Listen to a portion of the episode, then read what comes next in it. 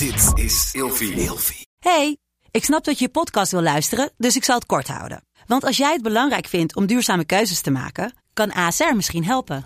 Nou hoor ik je denken, hoe dan? Nou, bijvoorbeeld bij het duurzaam herstellen van schade. Of de premies die we beleggen volgens ons duurzaam beleggingsbeleid. Dat bepaalt waar we wel en juist niet in investeren. Wil je meer weten over welke duurzame keuzes ASR maakt? Ga dan naar asr.nl slash duurzame keuzes. ASR doet het. Zo, dan kan je nu lekker naar je podcast luisteren. Wat leuk dat je luistert naar de podcast Seks, Relaties en Liefdes. De plek waar ik in gesprek ga met mijn gasten over alle onderwerpen waar eigenlijk veel te weinig over gesproken wordt. Dus luister, geniet en laat je vooral inspireren. Welkom bij een nieuwe aflevering van Seks, Relaties en Liefdes. Met niemand minder dan Marco Draaier, de man die iedereen's outfit doet verbleken. Wat leuk dat je er bent. Dank je. Hallo. Hallo. Hoe is het met jou? Ja, wel goed. Hoe Ja. is het voor jou om aan, aan die kant van de tafel te Ja, zitten moet ik nu heel en- erg gaan wennen. Dat Ja? ik, ik zit normaal ook nooit aan deze kant. Ik Oh. zit normaal aan die kant. Dus Ja. ik moet helemaal recalibreren. Nee, gaat goed. goed. En, en je bent als gast. ik ben als dit gast, keer. ja. Ja, Dat kan ik. Dat kan jij? Heel goed, het, heel ja. goed. Ja, want eh, mensen kennen jou eh, wellicht gewoon als Marco Draaier, als Mhm. de cultuurvlogger. eh, maar ook als host van de podcast Eerste Allereerste Drinken. Mhm. Waarbij jij met Mignon Nusteling samen al jullie eerste ervaringen delen. Ja, En dat doen jullie ook aan deze tafel. dat doen we ook aan deze tafel. Ja. Ja. Dus het is in principe een, een, een bekend plekje. Een bekend plekje. Ik voel me Ja, helemaal thuis. Hey, en ik ben eigenlijk wel benieuwd, want jullie podcast ehm, is echt wel een, nou ja, we kunnen wel zeggen echt wel een succes. Mhm. Er wordt heel goed op gereageerd. Ja. Jullie hebben een boel hele trouwe fans die echt tijdens jullie zomerstop aan het wachten zijn, smachten zijn naar nieuwe afleveringen. Ja. Word je al herkend echt van de podcast? Ik word eh, echt herkend van de podcast. Echt overal, op alle plekken. Op festival, op straat. Gisteren ook weer, ik was in het theater, kwam iemand naar me toe. Oh ja, ik moet even fangirlen. Ik vind de podcast zo leuk. Op Grindr laatst ook, overal. Dat had je gestuurd, ja. Oh, Overal. Dat je zelfs op Grindr gewoon Ja. niet meer anoniem je Nee, kan... eh, Sorry dat ik je even hier stoor, maar ik vind de podcast... ja, maar het is toch alleen maar leuk? Is ook leuk. Ja. En wat, wat denk je dan? Nee, dat is alleen maar heel leuk dat mensen dus de, ook nog de moeite nemen om te zeggen van ik vind het echt heel leuk. Want dat, er zijn natuurlijk ook mensen die je misschien wel zien en denken, oh, oh leuk, dat is van de podcast. Maar dat mensen echt naar je toe komen, vind ik echt heel leuk. Ja, dus dat mogen mensen vooral blijven doen als ze ja, ja, zeker. En ook als mensen zeggen, oh, ik vond deze aflevering of dit, dat vind ik juist heel leuk. Als mensen echt met een specifiek compliment of met een specifiek verhaal komen. Want dan hebben ze echt geluisterd. Ja, of als ze echt iets hebben gedaan. Dat vond ik ook. eh, mensen die bijvoorbeeld na onze eerste aflevering naar een nudistencamping zijn gegaan. Ja, dat vind ik top om te horen. Ja. Ja. Zou jij eh, nog een keer naar je nudistcamping gaan? Want dat was een van de eerste afleveringen. Zeker. Ik ben enorm fan daarvan geworden. Echt. Ik, zeker. Ik wilde dit jaar weer gaan. Het zat er helaas niet in. Maar ik wil volgend jaar wel weer gaan. Ja. Ja. Ja. Hey, en eh, zoals ik al net zei, daar heb je op de nudistcamping niet zo heel erg veel aan. Eh, laat jij iedereen's outfit eigenlijk een beetje eh, verbleken. Ja. Elke keer heb je weer een geweldige creatie aan. Maar waarom is dat eigenlijk? Dat is een goede vraag. Dat zit er eigenlijk, zat er altijd al in of zo. Ik vond kleding altijd heel leuk. En dan, ik heb, maak altijd een soort scenario's in mijn hoofd. En als ik dan dit heb, dan moet ik het zo hebben. Of als ik dit evenement heb of zo'n situatie, dan wil ik dit aan. En dat zat er eigenlijk altijd al in. Dus ik mocht vanaf mijn eh, eerste schoolfeest in de eerste klas voor het eerst zelf shoppen zonder mijn moeder erbij. Met geld, zeg maar. En vanaf dat moment dacht ik alleen maar, dit is wat ik wil. Ik vind kleding zo leuk. Ja. En wat, wat dacht jouw moeder toen je voor de eerste keer terugkwam? Ja, ik denk echt, nou, dat weet ik niet. Mm, ik denk misschien wel dat ze dacht, wat, wat is dit? Ik denk als ik, als ik nu terugkijk, dat ik denk, waarom vond ik dit nou in godsnaam de outfit? Maar ik denk wel dat mijn moeder dacht, oh, de, de, de, hoe noem je het, de leeuw is los of zo. Dit Ja. gaat nooit meer goed komen. Misschien ook een goede voor allereerste dingen. De eerste keer shoppen zonder mijn moeder. Oh, ik denk ook wel, ja, dat is wel een goed Misschien onderwerp. even je moeder ja. om input vragen. Maar wat ik me namelijk afvroeg, heeft het ergens te maken met het onderwerp dat wij namelijk gaan bespreken vandaag? Mhm. Namelijk ehm, hoe belangrijk is uiterlijk in de queer wereld? Mhm. En dan niet alleen de kleding die je draagt, maar ook het kapsel. Ik zie hier nu dat je een Ja, ik ben ook groene ja. eh, door je haar heen hebt Is lopen. ook een eerste. Ook een eerste. Ja. Ehm, maar zeker ook de vorm van je lijf. Mhm. Ehm, ja, in hoeverre is, is kleding, de manier waarop jij je kleedt, wellicht ook wel een stukje compensatie. Maar daar hoef je geen antwoord nog op te geven, daar gaan we het straks over hebben. Als ik jou zou omschrijven, om jouw eigen lichaam te omschrijven, jou zou vragen om jouw eigen lichaam te omschrijven, hoe zou je dat dan doen? Ik zou zeggen dat ik een dikke witte man, dikke witte harige man ben. Met een zachte huid. Met een zachte huid. Ja, dat heb ik heb het hier net over gehad.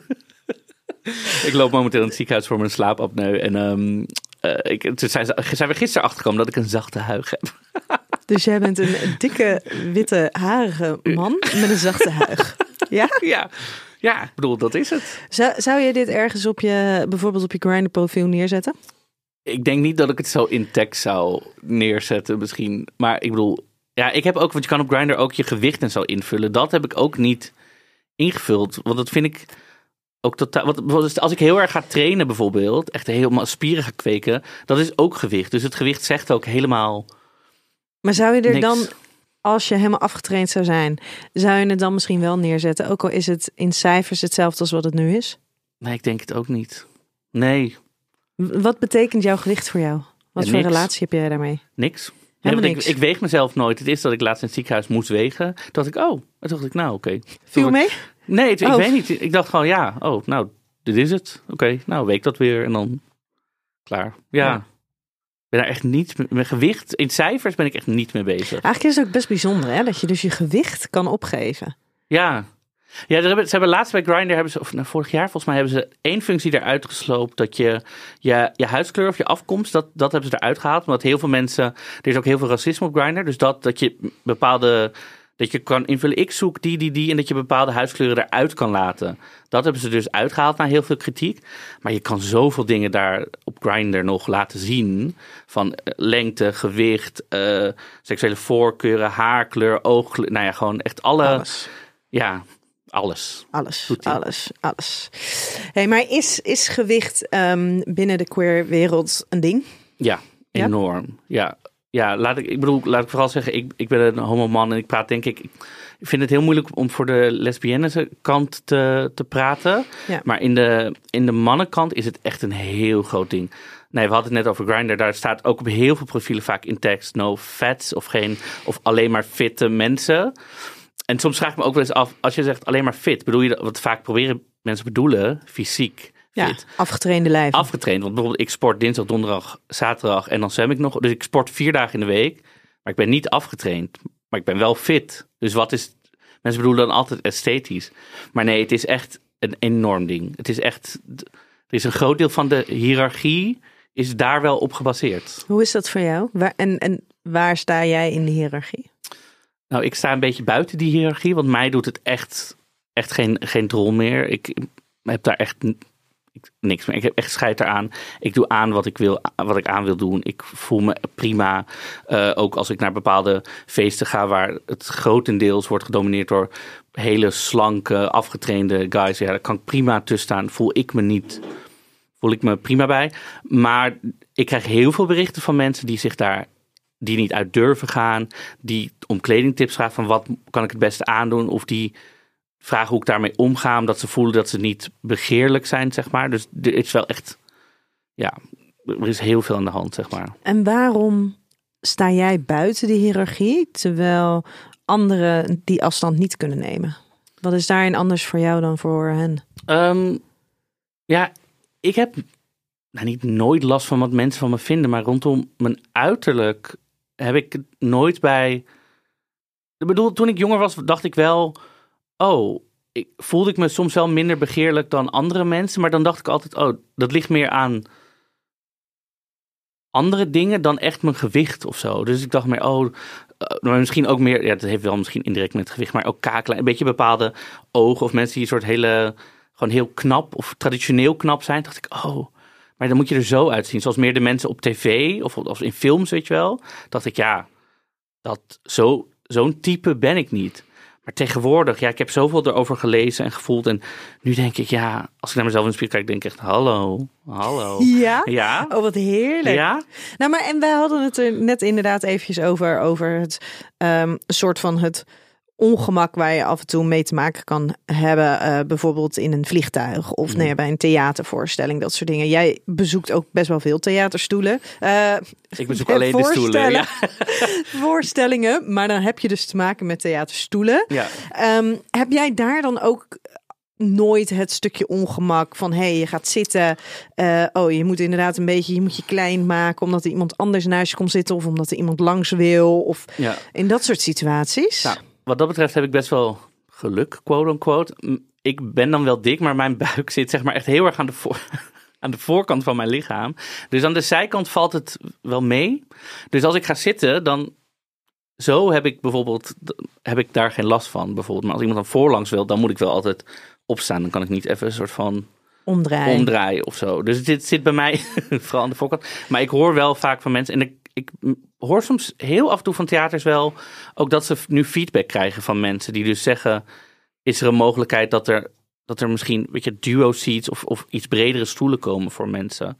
Ook, of, omdat mensen gewoon nu ook de woorden vinden om te durven zeggen, ik, ja, het is, het is niet comfortabel en daarom kom ik niet. ja. Ja, Ja. en in plaats van dat ze gewoon überhaupt niet komen en niks van zichzelf laten horen. Ja, Ja, ja, want ik was van de week was ik nog in de Ziggo Dome en daar had je, dus heb je natuurlijk ook nou ja, nog kleinere Ja. stoeltjes dan in, eh, eh, in, in de meeste theaterzalen. ja. En toen was ik dus ook echt even om me heen aan het kijken. En toen dacht ik ook, jeetje, dit zijn dus allemaal ehm, eigenlijk allemaal hele slanke mensen die hier zitten. Ja, ik kan me best voorstellen dat mensen denken, ja, of ja, ik, ik kom gewoon niet. Of zo, omdat het gewoon niet, ja, als je niet lekker kan zitten, of ja, dat je gewoon niet meer gaat. Ja, ik vond het echt best wel een soort van verdrietig. Dat ik denk, ja, maar je zal hier, je zal dus gewoon maar muziekliefhebber zijn. Je zal maar van theater houden. Je zal maar wel dat eigenlijk allemaal willen doen. Maar dus door je eigen lijf en de, de, de faciliteiten die er zijn, de keus maken om dan maar niet te gaan. Ja, van, nou, dan ga ik maar niet. Ja, Ja, ja, ik vind het best wel eh, verdrietig dat je die keuze dan moet maken. ja. Ehm, maar goed, wij gaan het dus inderdaad um, hierover hebben. En voornamelijk binnen de queer wereld. En ik denk inderdaad dat het goed is als je zegt dat je het lastig vindt om um, je te kunnen verplaatsen hoe het is bijvoorbeeld voor lesbische vrouwen. ja daar maar... liggen gewoon andere normen en zo. Ja, dus ja, maar dat, is ook wel weer bijzonder, hè? Dat daar dus weer andere regels ja, voor gelden. Ja, ja, het is gek, maar toch, ja, het is toch, ja. Dus ik vind het moeilijk om vanuit hun te, Ja. te praten. Nee, maar dan hebben we het gewoon over Ja. jouw ervaringen van, en van de mensen om jou heen, voor zover je er wel wat over kan zeggen, als homoseksuele man in een queer wereld. Ja, Hey, als eerste, vijf woorden die voor jou gaan over seks, relaties en liefdes. Welke zijn dat? welke zijn dat? Ja, ik heb, ze- ik, ik heb ze even opgeschreven, want ik kan geen vijf woorden onthouden. heel, heel goed, heel goed. Eh, passie, empathie, kneuterigheid, speelsheid en humor. En heb jij deze ook allemaal al mogen ervaren? Ehm, nou ja, ik heb nog nooit een relatie gehad. Dus eh, in die hoedanigheid niet. Ehm, maar qua seks wel. Ja, Ja.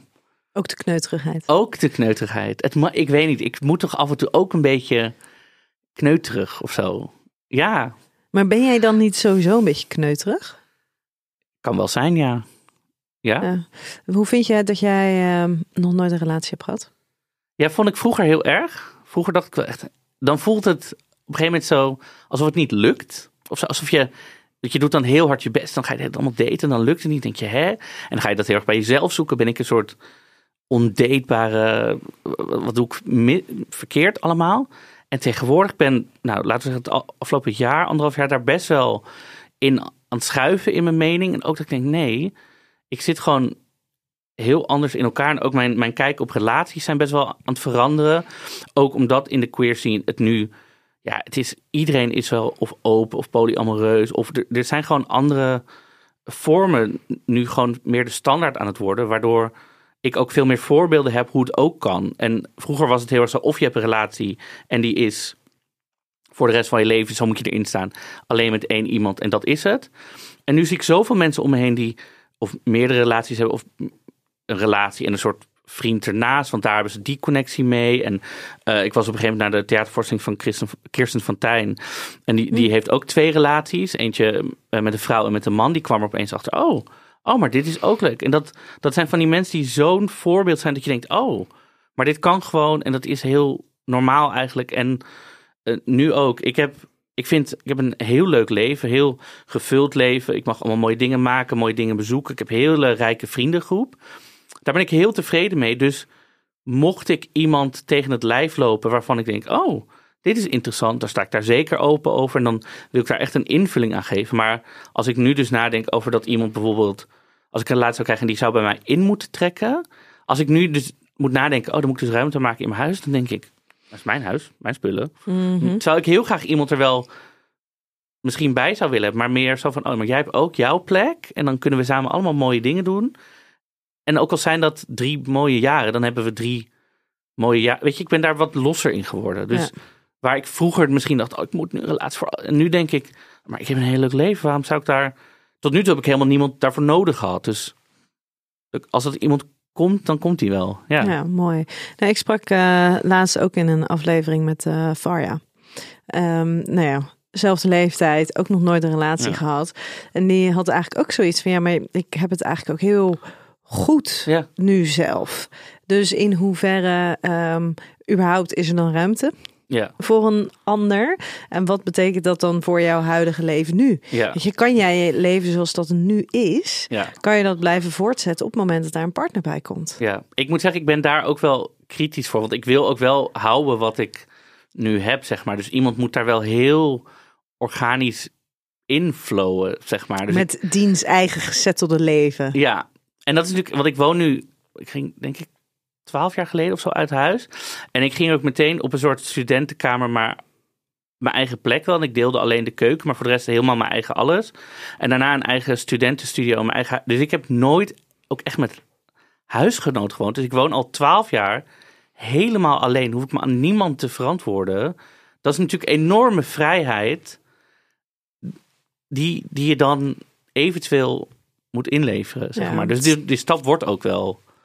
Groter. Ja. Ja. terwijl aan de andere kant, als je iemand treft op wie jij hopeloos verliefd wordt en waarbij alles klopt en met wie je heel graag een toekomst tegemoet gaat, ehm, dan ben je ook wel bereid om die ruimte te maken. En voelt het ook helemaal niet als een enorme opoffering. Nee, dat is volgens mij ook zo. Dus daarom heb ik ook zoiets van, als ik iemand tegenkom, dan gaat dat ook wel. Dan is het helemaal niet heel moeilijk. Dus daarom denk ik, nou, dat komt wel. En ik heb, moet zeggen, wel een beetje, heel af en toe ben ik weer eens terug op een dating app. Omdat ik denk, oh, even kijken. Nou ja, van de week dus nog op Grindr. Op Grindr en zo. Maar he- regelmatig gaat, gaan al die apps er ook weer af. Omdat ik gewoon denk, ik vind gewoon echte mensen in het echte leven... vind ik veel leuker en interessanter dan, dan echt dating apps. En dan ben ik benieuwd. Jij bent natuurlijk een enorme flamboyante verschijning. Mhm. Ehm, val jij op mannen die dat ook hebben?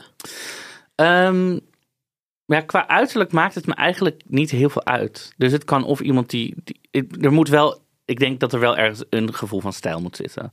Ik denk dat dat wel enige. Omdat ik daar heel veel affiniteit. Maar je hoeft echt niet alle grote outfits uit de kast te halen.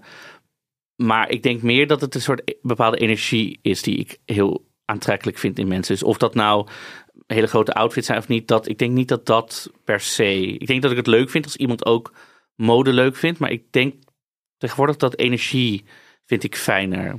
Ja, Iemand kan zich ook laten aankleden door jou. Hè? ja als iemand daar akkoord mee geeft. Misschien moet je dat als voorwaarde ja, stellen. je moet je wel als model voor mij. Ja, precies, precies. Of je moet openstaan voor. Er zijn wel, en ik moet zeggen, er zijn af en toe wel van die stellen op Instagram, van die Instagram stellen, maar die van die homostellen, die kunnen natuurlijk allemaal hetzelfde aan. En dan zie ik ze zo matchy matchy en denk ik wel echt. Oh. Ja, dat wil jij ook. Nou, ik weet niet of ik dat de hele tijd zou willen, maar Toch af en weer toe. dat kneuterig, hè? ja, Ja. ja, vind ik toch wel kneuterig, vind ik toch wel leuk. ja, maar is dat niet, is, het, is dat wel ook dan vervolgens excentriek genoeg voor jou? We zullen zien. Hmm. Hey, de vijf kutkeuzes. Je moet kiezen. Oké. Intimiteit of seksualiteit? Intimiteit. Nooit meer seks of nooit meer een relatie? Nooit meer een relatie. Strikte monogamie of een relatie met meer vrijheden? Relatie met meer vrijheden. Verleiden met woorden of verleiden met bewegen? Oh. Oh, oké. Ehm, nee, verleiden met woorden. Porno kijken of fantaseren? Wat zeggen?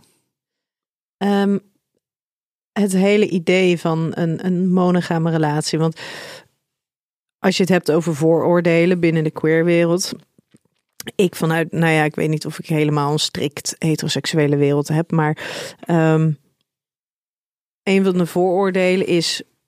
Het is eigenlijk best wel een beetje zeldzaam als je een, een, een, strikt monogame relatie hebt. En het is eigenlijk veel vanzelfsprekender dat er vrijheden zijn, dat er openheid is. Is dat, is dat echt zo? Ehm, nou, ik denk wel dat, dat, de, dat de meer open relaties misschien meer aanwezig zijn dan de mensen die. die want ik ken genoeg mensen die een strikt monogame relatie hebben. En dat ook echt hebben. En dat, dat het prima werkt. Maar dat is denk ik ook minder interessant om over te praten misschien. Van nou, dit is het. En dan, nou, dan weet iedereen wat je bedoelt natuurlijk. Monogame relatie, oké. Maar met open er zijn natuurlijk zoveel vormen. Dus daar wordt meer over gesproken. Ja. Dus ik denk dat dat ehm, meer aanwezig is daardoor. Ja, en is dat, want ik vind dat wel een interessante, want er was op een gegeven moment was ik, had ik het daar met iemand over en toen kwam het er een beetje op neer van ja, maar ehm, mensen die niet heteroseksueel zijn, die moeten al andere keuzes maken of die zijn zich al bewuster van de keuzes die ze maken dan ehm, mensen die heteroseksueel zijn. En mensen die heteroseksueel zijn, die gaan eigenlijk veel makkelijker in het patroon van oh, dit is hoe het hoort. Dus die Mhm. gaan een monogame relatie aan en, en blijven daarin. Terwijl mensen die niet heteroseksueel zijn, die zijn dus veel meer van, oh ja, maar kennelijk eh, val ik dus op, nou ja, eh, op wie dan ook. Ja. Ehm, en wat voelt goed? Wat past bij mij? Wat heb ik nodig? Dus dat die vervolgens daar al veel bewuster van zijn en ook eerder geneigd zijn om daarin andere keuzes te maken of zichzelf de ruimte geven om te exploreren. ja. Dat klinkt natuurlijk super mooi. Ja. Want dan gaat het inderdaad echt over het afstemmen. Wat past bij jou? Waar Ja. heb jij behoefte aan? Ik Ja. denk dat als, als dat inderdaad een stukje theorie is, dan vind ik dat super mooi. Maar ik krijg ook wel eens juist ehm, eh, berichten van mensen uit de queerwereld. dat ze het ook wel lastig vinden dat er dus eigenlijk een soort van vanzelfsprekendheid is van non-monogamie. En waarom zou dat dan lastig zijn? Nou, omdat dat dan niet iets is waar zij per se behoefte aan hebben. Dat zij liever Ja. een monogame relatie zouden hebben. Maar dat het als het ware, ehm, nou ja, hoort. Of dat de norm ja. non-monogamie is. Dus dat het veel lastiger wordt om dan een En- monogame relatie te hebben. Omdat dat dus niet helemaal overeenkomt met wat, ja, wat de norm is. Ja, maar dat is dus eigenlijk een stukje privilege inleveren. Want eerst was alles de norm monogamie, dus was het voor hun heel makkelijk. En was het voor die andere mensen moeilijker. En nu dat dus wat meer vrijheid krijgt, zeggen ze ja, maar nu is het voor ons iets mo- moeilijker. Eh, nou, ik weet niet. Ja, Want je ik- kan nog steeds mensen zoeken, je kan het in je profiel zetten, ik zoek dat. Ja, maar dat ze het dus lastig vinden om, ehm, om dan dus een partner te vinden waarbij zij dus ook een soort van de, de, de verwachting mogen hebben. Ja. Wij zitten in een monogame relatie. Maar zonder dat dan uit te spreken. Of, Ehm, allebei. Ofwel dat het uitgesproken wordt, maar ook dat ze dat spannend vinden om uit te spreken, omdat ze weten dat hun partner daar bijvoorbeeld anders over denkt. ja. ja, dat is lastig, maar ik denk dat dat dan een onderwerp van gesprek moet zijn of zo. Ik weet wel, ook van vrienden die ook een monogame relatie gewoon heel graag zouden willen. Die vinden het heel moeilijk dat ze bijvoorbeeld in de club staan en dan hebben ze bijvoorbeeld, eh, misschien bedoelde je dit ook wel, zijn ze met iemand aan het flirten en denken ze, oh leuk, ben nou, misschien zoenen, dit, dat. En dan zijn ze daar, of dan wisselen ze misschien wel nummers uit, denken ze, oh leuk. En dan gaan, zijn ze dus met iemand aan het appen en denken ze, en dan horen ze opeens, ook heb al een relatie of twee relaties, weet ik veel. En dan vinden ze dat heel moeilijk. Dan denken ze, ja, dan voelen ze zich een beetje bedrogen. Van, oh, maar ik dacht dat wij een soort ding hadden. Nou, bijvoorbeeld. Ja, Ja. maar aan de andere kant denk ik, ja, dat ding is er gewoon. Ja, jij ging ervan uit dat iemand monogaam was. Dat, Ja, maar dat is toch eigenlijk dus, dat is zo, zo gek dat Ja. ik ben helemaal niet van de iedereen moet, hè, ik ben Ja. helemaal niet van iedereen moet enkel en alleen in monogame relaties zitten. Maar dat Ja. is dan dus eigenlijk gek dat daar dus iets andersoms gebeurt. Ja. En dat er dus in de dat daar dus wel echt een verschil lijkt te zijn Ja. tussen de queer wereld en de en de hetero wereld, als we het even zo zwart-wit mogen zeggen. Dat in de hetero wereld dat op het moment dat je niet monogaam bent, dat daar dan wow, wat is er? En, en, en Ja. allerlei heisa omheen. Terwijl als je in de queerwereld ehm, m- monogaam bent, Ja. dat dat dus iets is. Oh, jij bent monogaam. Oh, ja. Oh, ja. interessant, interessant. Hoe doen jullie Ja. dat dan? Ja. Ja, word je je dat Ja. al voorgesteld? Ja, hoe je dat dan? En als je en dan je seksuele driften, hoe, hoe Ja. Heel. Maar als we dan in de club zijn, dan mag ik dus ook niet met anderen Nee, zoenen. ja. Nee, dat nee, mag dus nee, niet. Dat, ja, dat is wel een soort gaan. En ik denk net als met, met de op, nou, de op, die mensen, wij zijn natuurlijk altijd al geweest met non-binair, dat we daar de woorden nu allemaal van vinden. Dat we nu vragen, oh, wat zijn je pronouns? Dat je ook met dit soort dingen gaat vragen, wat is je soort, oh, ben je dan single? Weet je, dat Ja. je meer gewoon gaat vragen van tevoren al, dat je weet, nou, dit is de situatie. Oké. Ja, maar ja, dat moet je dan dus... In dat proces zit iedereen, denk ik, nu een beetje. Ja, van hoe gaan we dat dan doen? Dat denk ik, ja. Ja, nou, we gaan zien eh, wat daar allemaal gaat gebeuren. Ik ben benieuwd. Hey, ik heb eh, vijf stellingen voor jou. Oh. In een queer wereld, of in de queer wereld, waarvan buitenstaanders denken dat alles en iedereen welkom is, wordt er erg veel veroordeeld en geoordeeld. Eens. Ja, vertel. Ja, het is. Ja, wat ik eigenlijk net het woord wat ik al liet vallen, er is echt een soort hiërarchie eigenlijk. En eh, kunnen mensen misschien gaan, oh, is niet zo. Maar als jij gewoon in een club, ja, toch is queer settings zijn toch heel vaak in een soort club. Dan komen, dat zijn wel vaak de plekken waar we samen kunnen komen. Dan merk je gewoon dat, dat, dat de gespierde mannen staan zonder shirt. En dan is het zo, ben je niet gespierd, maar ben je niet eh, ook eh, wit eh, in plaats van gekleurd? Ben je vrouwelijk of mannelijk? Dat zijn allemaal soort factoren die je in een pot gooit en dan krijg je een soort hiërarchie daarbij. En nog steeds vrouwelijk wordt als iets slechts gezien. Dus dat is eigenlijk een soort vrouwenhaat zit daar gewoon onder.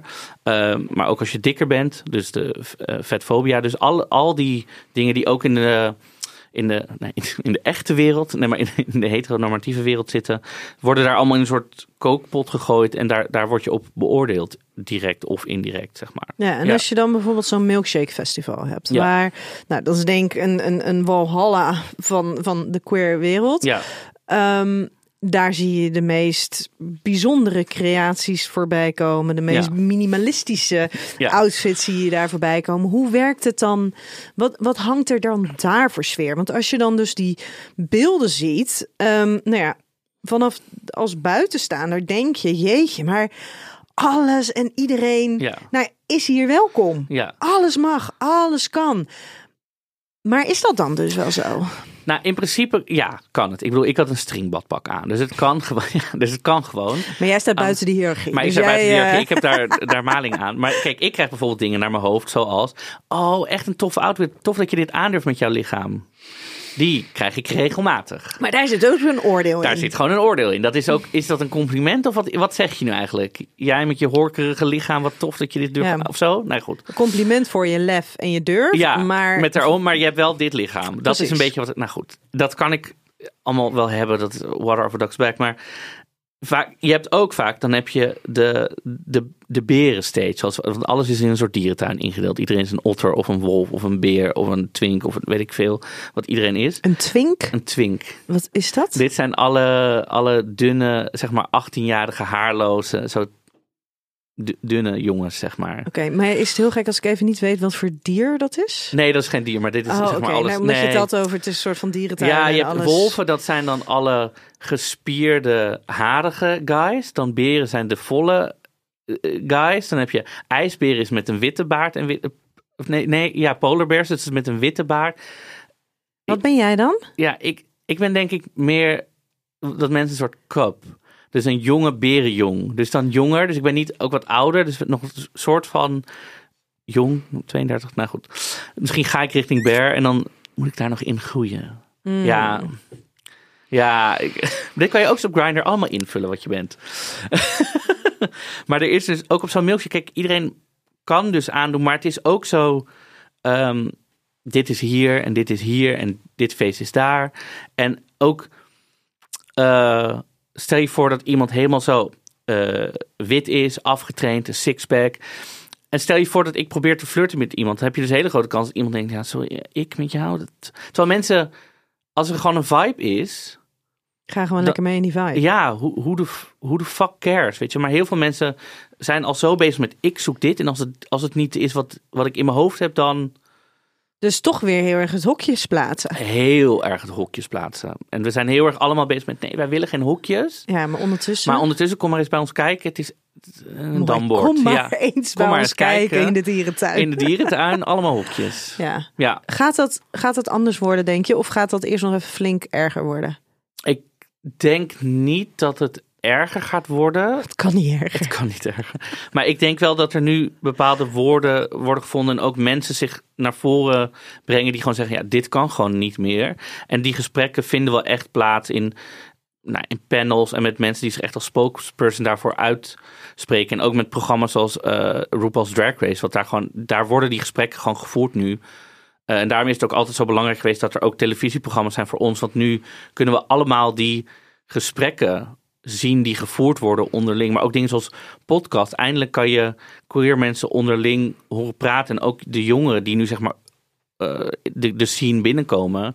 Die komen al iets zelfverzekerd. Of in ieder geval met een bepaalde kennis binnen. Dat ze misschien dingen kunnen counterbalancen die ze voelen als ze zo'n club binnenkomen. Ja, dat ze iets kritischer mogen zijn. Dat ze niet meer zomaar um, het allemaal moeten laten gebeuren. Ja, dat ze daar zelf ook een vorm van regie over Ja, dat je niet nemen. binnen hoeft te komen. Dat als één keer een vieze blik naar je geeft. Dat je niet meteen denkt, oh ik ben dik, oh ik zweet. Oh ik hoef niet in deze club te komen. Dat je kan denken, oh nou die problemen, die persoon heeft issues met zichzelf. Hoef ik me niks aan aan te trekken. Ja. Ja. Dus daar mag ik afstand van nemen. Ja. Dat is prima. Ja.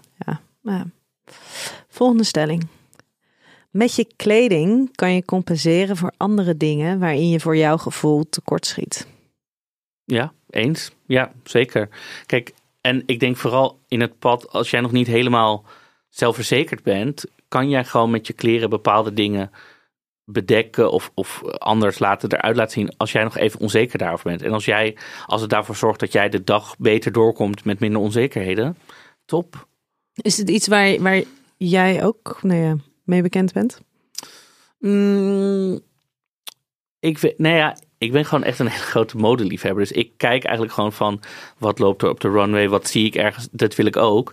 Ja, en dan ga ik het gewoon dragen. En ik heb, denk ik, zoals ik zei, ik had op Milkshake een string badpak aan. Ik heb daar, ja, ik geloof dat ik daar eigenlijk altijd wel gewoon, als ik het aan wil, dan zorg ik gewoon dat ik, ik zorg wel dat het goed bij mijn lichaam past. Dus ik ga niet te kleine maatjes. Te kleine maatjes. Ik zoek wel altijd dat het in mijn maat is en dat het past en dat, dat daar zorg ik dan wel voor. Maar ik, ik heb denk ik niet echt iets dat ik denk, ook oh, ga dit bedekken of zo. Nee. Nee, maar wat, wat weet jij van andere mensen dan die wel dingen compenseren? Bijvoorbeeld, wat voor dingen kan je compenseren? Je hebt het inderdaad net over je lijf, ja. maar um, als je echt het gevoel hebt van, nou, ik schiet tekort in iets, ik ben niet leuk genoeg, ik ben niet aantrekkelijk genoeg, ik ben niet Ja. grappig genoeg.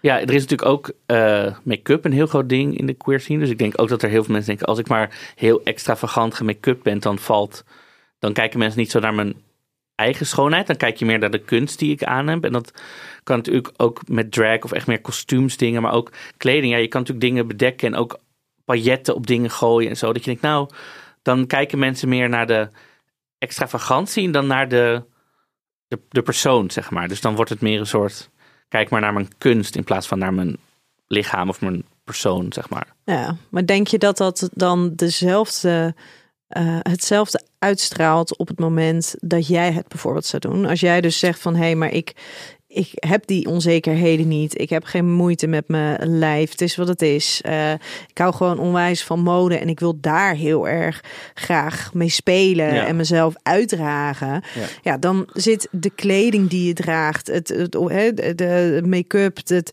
het, de glitters Mhm. zitten niet op als het ware ehm, een leeg omhulsel, Ja, maar Nee. die zitten echt op een bouwwerk. ja. Ja, ik vind een van de dingen die ik ook het meest aantrekkelijk vind, ik denk dat heel veel mensen dat hebben, maar is echt zelfverzekerdheid. En als mensen onzeker zijn, ik, zodra ik met iemand praat, dan voel ik gewoon als iemand onzeker is of zo. En dus mensen vragen ook wel eens aan mij, eh, ja, maar zou je zelf daten met een dik iemand? Alsof dat echt het einde van de wereld zou zijn. Dat is natuurlijk niet zo. En dan zeg ik altijd, nou, zou ik, prima, ik zou prima met een dik iemand kunnen daten. Ik heb ook wel seks gehad met dikke mensen. Dat gebeurt gewoon. Maar heel veel, een groot deel van de dikke mensen is toch onzeker over hun lichaam of over zichzelf. Dus als ik zou daten of zou praten met iemand, dan merk ik wel als iemand onzeker is, waardoor iemand dus minder aantrekkelijk zou worden voor mij. En dat komt dus niet omdat iemand dik is, maar omdat iemand minder zelfverzekerd is. En dan denk dan voelde ik wel minder aantrekkingskracht. Terwijl als iemand dik is en helemaal zelfzeker, ja, dat, daar knap ik niet op af. Nee. Het hypermasculine lichaamsideaal geldt in de queerwereld nog veel sterker dan onder heteroseksuele mensen. Ehm, dat weet ik niet zo 1, 2, 3. Want ik weet ook dat er bij de heteroseksuele mensen, überhaupt bij mannen is er nu, ook bij heteromannen, is er nog een enorme ding gaande volgens mij. Dat, omdat de rol van een man is in de maatschappij gewoon heel erg aan het veranderen. En bij hetero's die beschermende, ik moet voor mijn gezin zorgenrol is gewoon heel erg op de schop aan het gaan. En er is ook een hele grote groep hetero mannen. En ook je ziet het ook bij, bij kinderen, 14-jarigen, die nu heel erg, nou ja, Andrew Tate, uh, weet je wel. Die, zijn helemaal soort in de, in, de, in, de, in de stress allemaal. Van, oh, maar we willen vasthouden aan dat. Dus die zijn allemaal massaal aan het trainen om maar soort gespierde ding. Dus ik, ik denk dat het bij hetero's ook, ook heel erg is. Maar ik, ja, in de queers. Dus ik weet niet of je dat nu zo de een met de ander kan wegstrepen. Maar ik denk wel vroeger, toen de, de rol van de man aan de heterokant misschien wat meer duidelijk was. Dat het toen in de, in de queer scene was het heel erg van. Er zit ook iets heel erg nog iets soort angst onder van. Als ik maar zo mannelijk mogelijk ben, dan ben ik ook voor de buitenwereld. Dan is mijn homo zijn minder erg. Oh, want jij bent gewoon zo'n normale man die gewoon afgetraind is. Dus je bent niet zo'n flamboyant, typische, uh, typische hand, uh, handhomo, weet ik veel. Dit komt trouwens al uit de Romeinse tijd. Hebben ze een onderzoek naar gedaan. Ja, is al heel oud. En jij zit hier met je handjes met te mijn handen flapperen. Ja. Um, maar dat, dat um, ja, dus ik weet niet of daar nu dat je dat uit kan balanceren. Ja, terwijl wat ik dan wel weer interessant vind is inderdaad, je hebt natuurlijk uh, hele, hele gesprekken over, um, of discussies over dat die rol van de heteroseksuele man ten aanzien van dienstpartner en kinderen en, en inderdaad de Andrew Tate-achtige um, verhalen. Terwijl je je natuurlijk ook kan afvragen, ja, in hoeverre zijn de meeste mannen echt zo? Of waren ze echt zo? Weet je, hoeveel mannen ken je die echt met de vuist op tafel sloegen en een en al mannelijkheid uitstraalden in hun nou ja, dominantie en zelfvertrouwen. en, en, en dan denk je, ja, maar is dat dan echt zo? Of zijn we bang? Zijn mensen bang? Ik niet zozeer, maar mensen bang om inderdaad iets te verliezen. wat er misschien al een hele tijd niet, meer, zo is. nee, dat denk ik denk wel. Dat je denk dat heel veel mannen dat ook helemaal niet zijn. Maar dat dat gewoon een soort. Dat, zo hoort dat. En als ik zo doe, dan ja, dan is het oké. Okay weet je, en dat is natuurlijk net als uh, de, het idee van ja, maar mannen worden te, worden te soft gemaakt. Hoe kan je nou een man te soft maken? Weet je, een persoon is gewoon wie die is. Alleen je kan wel de mogelijkheid bieden om een grotere diversiteit aan vaardigheden, een grotere diversiteit aan dat hele gevoelsaspect tot uiting te laten komen. Maar dat betekent niet dat je iets maakt van iemand. Maar er wordt af en toe ook gepraat alsof er elk moment een moeten weer tot leven komen. En dat we als mannen daar klaar voor moeten zijn. Want we moeten weer op vlees jagen. Ik weet niet, zo, dat is af en toe een beetje Nee, want we zijn wel, dat moet wel vegetarisch. we gaan helemaal niet jagen. Nee, maar zo is af en toe de toon, ja. Ja, maar als je het dan hebt over dat hypermasculine lichaamsideaal. Ja. Ehm, dat, het gaat natuurlijk ook wel over afgetrainde lijven. Alleen maar, ja, je ziet het ook nog steeds op, uh, ja, op tv en programma modellen. Heel veel zijn toch nog steeds, ook bij de grote merken, afgetrainde, afgetrainde of hele dunne mannen. Dat is ook nog een ding. Terwijl, kijk, en je ziet ook in de body positivity beweging of de body neutrality beweging dat vrouwen lopen daar ook heel erg weer in voorop. Um, en je ziet die veranderingen bij de vrouwen komen. Dus modellen, meer curvy models, gewoon dikke vrouwen. Uh, weet je, mensen. Gewoon normale lijven. Normale lijven, whatever. Er, begint gewoon meer diversiteit te komen. Ook in films. Er zijn gewoon actrices die zeggen: Nou, ik wil gewoon een film maken die dan ook de producent zijn. Denk aan een uh, Rebel Wilson. Nou ja, gewoon, die gewoon zeggen: Ik wil deze rol, ik wil deze rol. Wat dan ook. Bij de mannen gebeurt dat eigenlijk gewoon nog niet. En die gesprekken worden nog niet gevoerd. En er is, naar mijn weten, ook nog niet echt een soort grote Hollywoodster van een grote naam die zegt: Ja, maar ik ben gewoon een dikke man, maar ik kan wel de lead spelen in een romcom. Weet je, zonder dat ik meteen de humoristische sidekick ben. Wat toch weer een soort stereotype. Ja, dan wordt het toch weer een beetje humor. Want ik zit. Dus ik of nou ja, serieus. Maar in ieder geval. Ja, ik zit, maar ik zit een beetje ineens. Ik zit een beetje aan de. eh, en die is niet per se eh, eh, dik, maar ook niet super afgetraind. Bijvoorbeeld een Jack Black. Oh ja. Maar dat is natuurlijk wel weer de grappenmaker. Of- Ja. En ik denk op een of andere manier, denk ik nu eventjes aan en de hangover. Dat zijn, die mannen zijn natuurlijk ook niet het, het, het prototype hele slanke afgetrainde mannen. Maar dat zijn dus wel weer vaak de mannen met humor. Ja.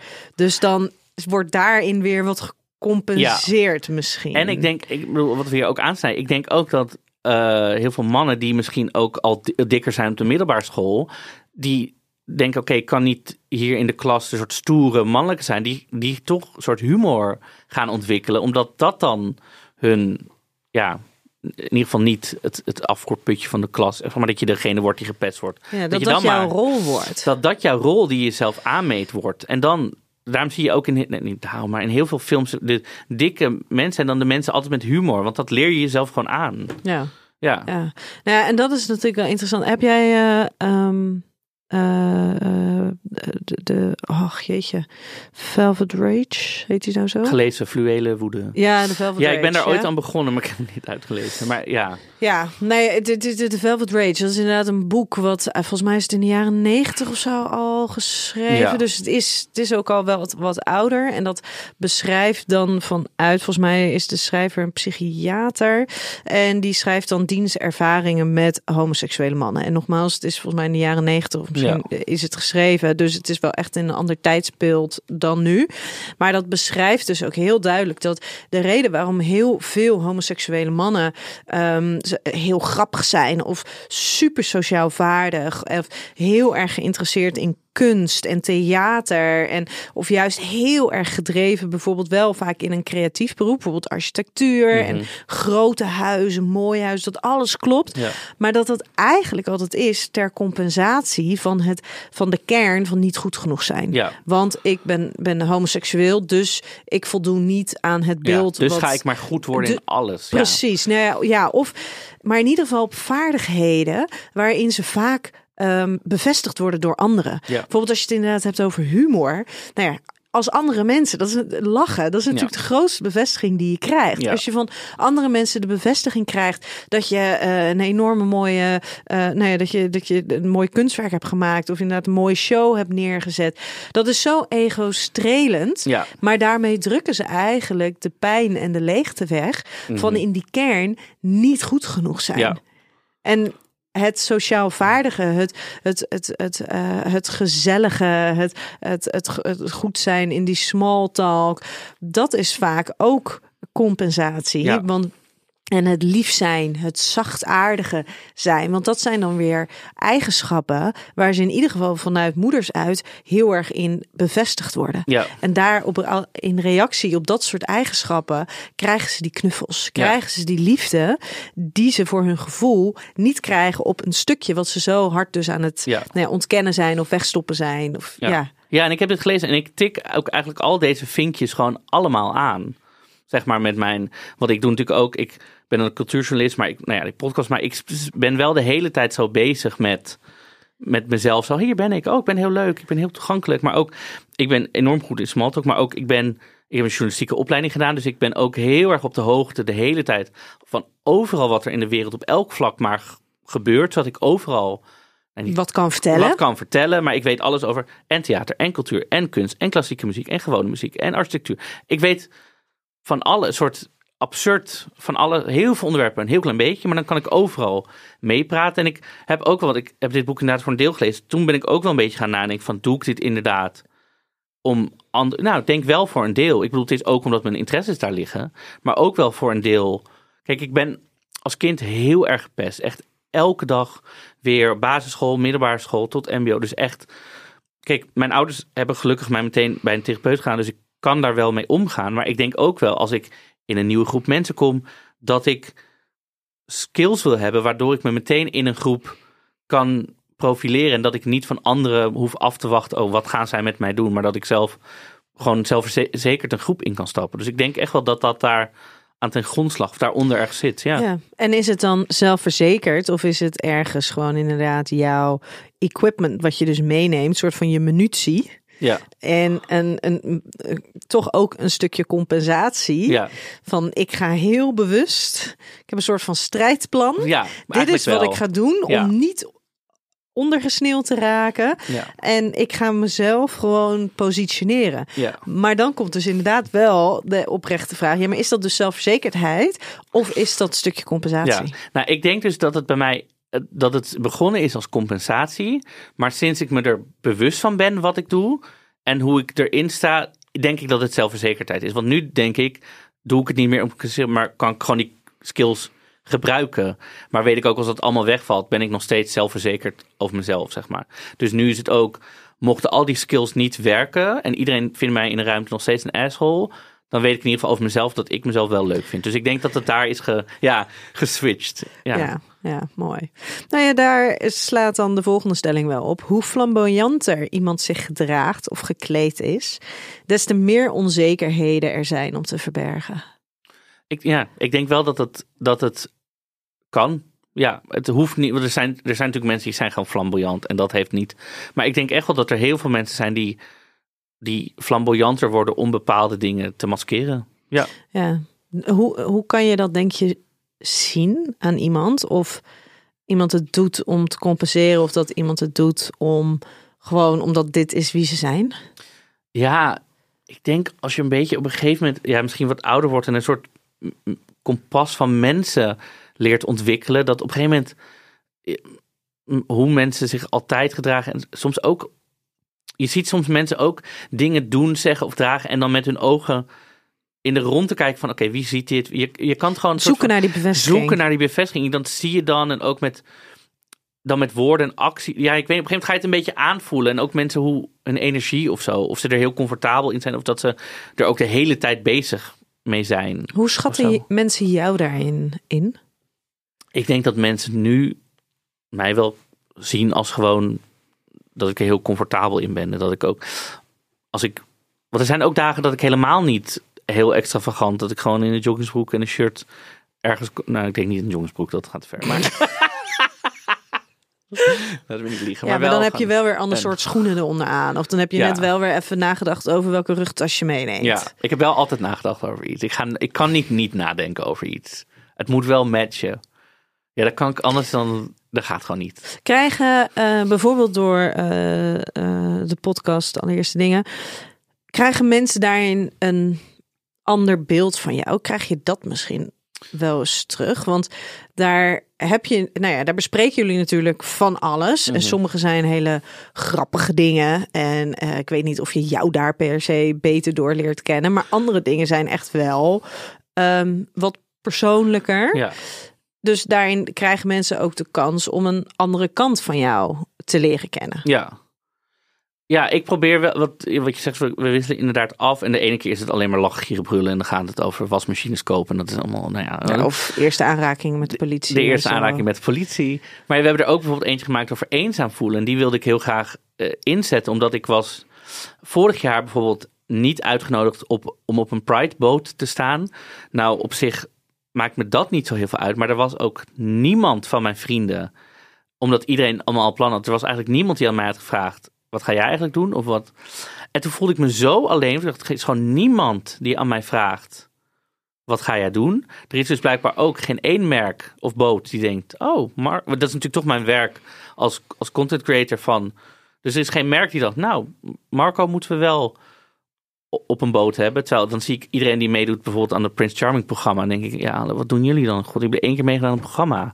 Terwijl ik ben het hele jaar- lang voor de queer scene ben ik me aan het inzetten, uitspreken. Weet ik, en denk ik: Hallo. Dus toen voelde ik me zo eenzaam. En toen zei ik ook tegen Mion: Ik zeg: Ja, ik wil dit heel graag maken. Ook, het is misschien niet een lach, gieren, brullen aflevering, maar het is wel hoe ik me nu voel.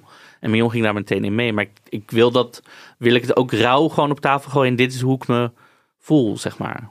Ja. Ja, ja.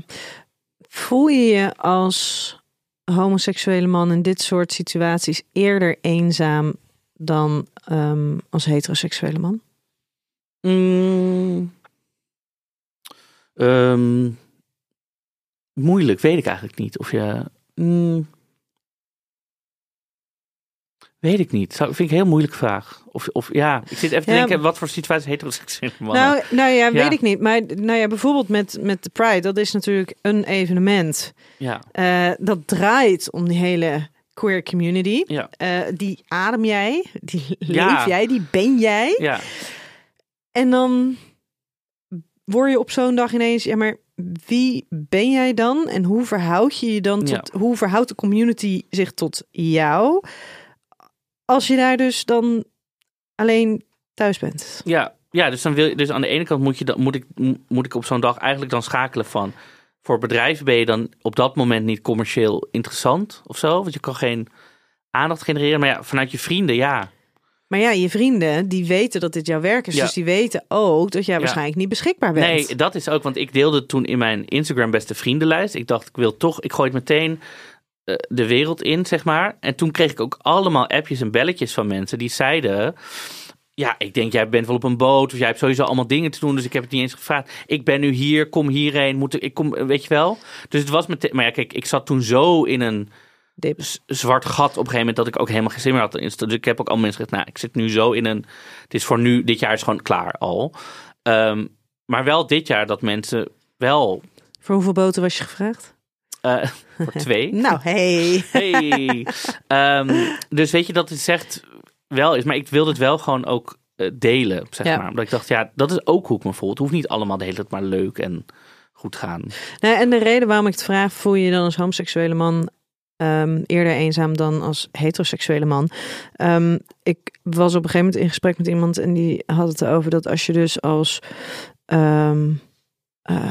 nou ja, Antilliaanse, Surinaamse, Aziatische Mhm. eh, homoseksuele man, dat je je dan dus eigenlijk ook je, je, je, je voelt je dus al anders omdat je dus homoseksueel bent. Mhm.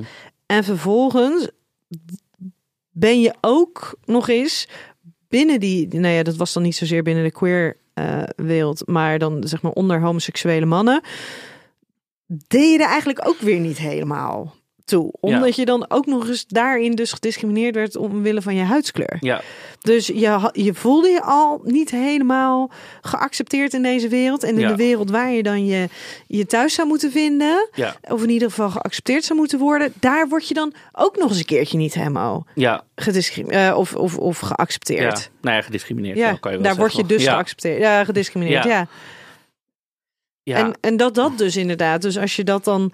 De heteroseksuele mannen die, die dat al in ieder geval tussen aanhalingstekens genoeg zijn. Ja. Of de moeite waard zijn. Ja. Omdat ze heteroseksueel zijn. ja, Dat die dus minder snel misschien dat gevoel zullen hebben. ja, ja, nu je het zo zegt, denk ik, ja, ik denk het wel. Ja. En er wordt enorm ge, gediscrimineerd ook in de, in de, in de gay scene. En, en ook eh, seksueel gediscrimineerd. Bijvoorbeeld ook, weet je, nog steeds het stereotype, ja, Aziatische mannen zijn meer onderdanig of hebben een kleine piemel. Dat, weet je, dat, daar zijn mensen ook de hele tijd mee bezig. En mensen van kleur, ja, die hebben echt een hele grote piemels. Daar zijn mensen zo, die, die worden helemaal geseksualiseerd. Terwijl daar wordt dus helemaal niet eens meer gekeken naar wat voor persoon ze zijn of wat voor persoonlijkheid ze hebben. Dus die voelen zich of gediscrimineerd of helemaal niks waard. Of juist, oh, ik ben hier alleen maar voor mijn piemel. Weet je, dus er zit zoveel, nee, weer hokjes en bezig met, met dat fysieke ook, zeg maar. Dus ja, het is, ja, daar, daar moet je echt, daar moeten we echt van af. Ja, Ja, ja bijzonder. ja het is heel raar. Ja. ja. Hey, de laatste stelling. Je bent seksueel minder aantrekkelijk in de queerwereld als je dik bent. Ja, eens. Ja, en dat is dan niet queer scene breed, want er zijn ook mensen die dus een enorme, weet je, nou wat ik net zei over die bears, er zijn dus ook juist mensen die dat juist wel heel aantrekkelijk vinden. Maar, Maar in- is dat dan dik of is dat dan groot van stuk? ja, allebei een beetje, het kan allebei zijn, zeg maar. Maar in het algemeen, de, de algegrootte is wel echt, als je dik bent, er zijn genoeg mensen op dingen zoals Grindr, maar andere datingprofielen waar dus gewoon staat, ik, no fats, ik date niet met dikke mensen. Of ehm, er is ook wel eens tegen mij gezegd, als, als we een leuk gesprek hadden op een dating app. Oh ja, oh ja, we hebben echt, dat ik echt zei, als we dan nu afspreken. Ja, we hadden echt een leuk gesprek hoor, maar ik, ik date niet met dikke mensen. Gewoon zo.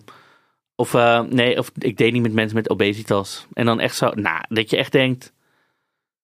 Wat? Maar dan, ik bedoel, ik denk dan meteen, nou, met jou hoef ik überhaupt niet meer met praten. Wat zeg jij in godsnaam? Maar ja, mensen zijn gewoon zo, hoppatee. Nee. Ja. Ja. ja. Maar kwetst dat jou dan? Vroeger wel. Vroeger wel. Nu, ja, nu kan ik echt heel goed zeggen dat is jouw probleem. En daar hoef ik niks mee. Maar vroeger had ik daar wel echt, dacht ik, hè? Oh, moet ik dan nu afvallen? Of moet ik dan om... Je krijgt dan ook een soort van, oh, moet ik dan afvallen om iemand zoals jij te krijgen? Omdat ik ook dat soort mensen ook wel dan nog op een voetstuk plaatste vroeger. Weet je, dat was toch een soort ideaalbeeld. En nu kan ik heel goed denken van, nou, nee. Maar wat, wat is jouw reactie dan nu? Als iemand dat tegen jou zegt? Ja, meestal iets in de trant van, nou, ten eerste is het helemaal niet oké dat je dit zegt. Ten tweede zou ik even zelf wat onderzoek gaan doen bij jezelf waar dit vandaan komt. En de hartstikke fijn leven. Joe, later. Ja, echt waar? Echt ja, gewoon joh. zo ja ik ben nu wel echt zo van, dit is niet oké. Ik zou even wat gaan eh, onderzoek doen bij jezelf. Verder fijne avond, leven, whatever. Zo, klaar. Ja. Ga daar ook geen discussie over voeren. Nee. Nou kan ik me voorstellen dat er andere eh, nou ja, mannen zijn, jongens zijn, die eh, voelen dat ze dik zijn, weten dat ze dik zijn ehm, en die helemaal nog niet zo ver zijn. Wil jij een voorbeeld van, voor hun zijn? Ehm, nou, ik denk dat ik dat voor sommige mensen gewoon al ben of, of, of word, zeg maar. Dus wil ik dat zijn? Ik hoop het te kunnen zijn. En ik ho- hoop gewoon dat mensen... Ik bedoel, ik krijg wel eens berichten van mensen zeggen... Oh ja, ik eh, ben toch uit geweest omdat ik zag dat jou... Of dat, eh, omdat ik dingen doe of als ik... eh, dat ik zeg, oh, ik vind het zo fijn als ik bijvoorbeeld Fashion Week loop... Dat mensen zeggen, oh, dat inspireert gewoon. Want je kan wel gewoon allemaal dingen doen. Dus dat het betekent gewoon wel iets. Dus ja, wil ik een voorbeeld zijn... Ja, misschien wel. Ja. Ja. Ik En- wil in ieder geval gewoon ding, laten zien dat je alles kan doen. En Ja. ja. ja, als dat een voorbeeld voor hen is, dan is dat mooi.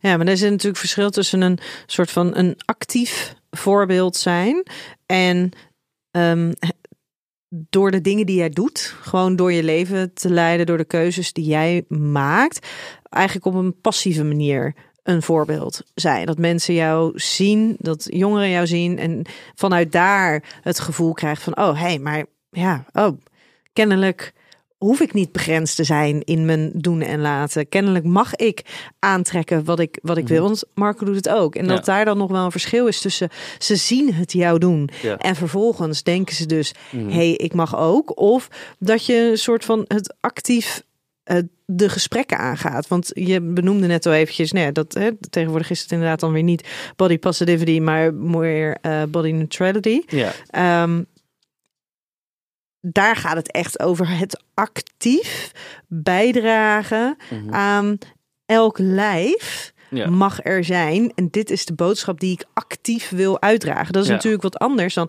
hey, ik ben cultuurjournalist Ja. en ik hou van mode... en ik doe gewoon En wat ik gewoon. wil en leuk vind. En daar heb ik mijn werk van kunnen maken. En als je dat inspirerend vindt, nou, alsjeblieft. Ja, ja maar ik, ja, ik ga ook wel de gesprekken aan. Gewoon met mensen. Ik zit ook in, in panels. Ik probeer er ook wel actief over te praten en over dingen. eh, als het lukt te, te organiseren of, of nou ja, als er iets voorbij komt, maar ook daarvoor uit te spreken. Ook nou, toen de, de, de cast van Prince Charming bijvoorbeeld bekend ben, ben ik ook op Instagram allemaal rants gaan houden waarom het niet oké is. En eh, in ieder geval de casting en ook in gesprek gaan, naar, bijvoorbeeld met seizoen 2 met Chris daarover. Niet dat hij daar, hij doet niet de casting, maar hij vond het wel interessant om met mij daar ook in gesprek te gaan en waarom ik bepaalde dingen zei en zo. Dat vind ik dan wel belangrijk, ook dat dat soort mensen weten, want dan kunnen mensen zoals Chris daar ook weer het gesprek verder over voeren. en Ja, maar als je het dan hebt over, ehm, over bijvoorbeeld casting, want het staat jou niet aan dat er enkel en alleen aan een bepaald schoonheidsideaal voldaan wordt aan, aan de Ja. kandidaten die daar komen. ja, Als je dan, jij werkt ook in de media. Mhm. Jij weet donders goed hoe media werkt. ja, zeker. Ja, ja, ja. Ehm, is de media er al aan toe om ook in dat soort programma's ehm, anders te gaan casten? Ja. Nou ja, laat ik ook vooropstellen dat ik voor seizoen 1 en 2 gevraagd ben om mee te gaan in de, in de cast. Ehm, maar dat ik twee keer ook na te bellen, ook met de redactie. Want ik had gewoon een aantal vragen ook. Hoe dit, kijk, het is reality tv. Ik weet hoe tv werkt. Dus ik ga niet, weet je wel, ik ben wat dat betreft misschien toch een beetje een control freak. Ik wil wel weten waar ik aan mee ga doen. Gewoon. Weet je dan wie je wat. En zij konden op een aantal dingen. Nou, ik vroeg bijvoorbeeld ook wie is Prince Charming. Ja, dat gingen zij niet zeggen. Ja, ik zeg sorry, maar als daar iemand staat waarvan ik denk, ja, kan me mijn aan die laatste had je wel mee willen doen hoor. Aan, oh, Diego. Diego. Ja. Ehm, maar weet je, dan, dan ga ik niet daar lopen acteren van... Oh, ik wil heel... Ja, sorry. Weet je, dus Het ik, moet ik- wel een vorm van authenticiteit kunnen Ja, hebben. dat wil ik wel. Ja, dus Ja. Nou, daar, dat, daar konden ze dan geen antwoord. Nou, toen eh, ging, nou ja, deed ik gewoon niet mee. Maar goed, ik. eh, waarom ging ik dit verhaal vertellen? Wat de vraag? Het ging over de casting. Oh ja, de over de, de- is de mediawereld is, ja, Die klaar is die voor. eraan? Ja, kijk, waar ik ook op een gegeven moment ging nadenken, dacht ik, ja, hè, ik wil toch die, die diversiteit zien in dit programma. Toen dacht ik, ja, het is Videoland en dit programma wordt helemaal niet gemaakt voor queer mannen die gaan kijken. Helemaal niet. Daar Nee, ging ik even over nadenken. Ja. Dacht ik, nee, hier wil, moeten gewoon allemaal vrouwen thuis die, Die willen die willen mooie gewoon ma- mooie mannen zien daten met elkaar. En toen dacht ik, ja, toen dacht ik, oh ja, ja, nee, daar is dit programma gewoon niet de ding voor. Daar kan ik me nog steeds over uitspreken, zeggen hoe ik het zou doen en hoe ik het zou willen zien, zo'n programma. Dus wie weet komt er in de toekomst wel zo'n programma waar er wel die een vorm is gevonden ehm, waarin het kan en waarin het mogelijk is. Dus ik vind wel dat het kan. Maar ik denk dus voor zo'n programma als dit, op een gegeven moment ging ik nadenken over Filio, denk ik, oh ja, dit programma is daar gewoon niet Nee, het is een heel ander publiek. Nee, het snap ik ook wel. Dus dacht ik, nou ja, nee, niet prima. Maar goed, oké, het is zo. Maar ik hoop wel in de toekomst dat er programma's, ik bedoel, zijn een miljoen datingprogramma's. Waarom? Maar is, is dit niet waar het heel vaak op ehm, vastloopt? Dat je, als het echt zou gaan om het programma en de mensen die deelnemen en de kansen die daarin gecreëerd worden, dat je dan een heel ander programma zou gaan Ja. creëren. Terwijl als je kijkt, we willen gewoon dat eh, eigenlijk alle Nederlandse vrouwen gaan Ja. kijken. Dat je dan dus uitkomt bij de programma's zoals dat ze nu gemaakt zijn. Ja, ja dat is zo. Dat, dat, dat, dus ben je zo. gericht op je deelnemers of ben je Ja. gericht op je kijkers? Dat is ook zo. Kijk, en ik, ik merk wel met nou ja, zo'n programma als RuPaul's Drag Race. Ik bedoel, het is een ander soort wedstrijd. Maar er wordt zoveel aandacht besteed aan de queer verhalen.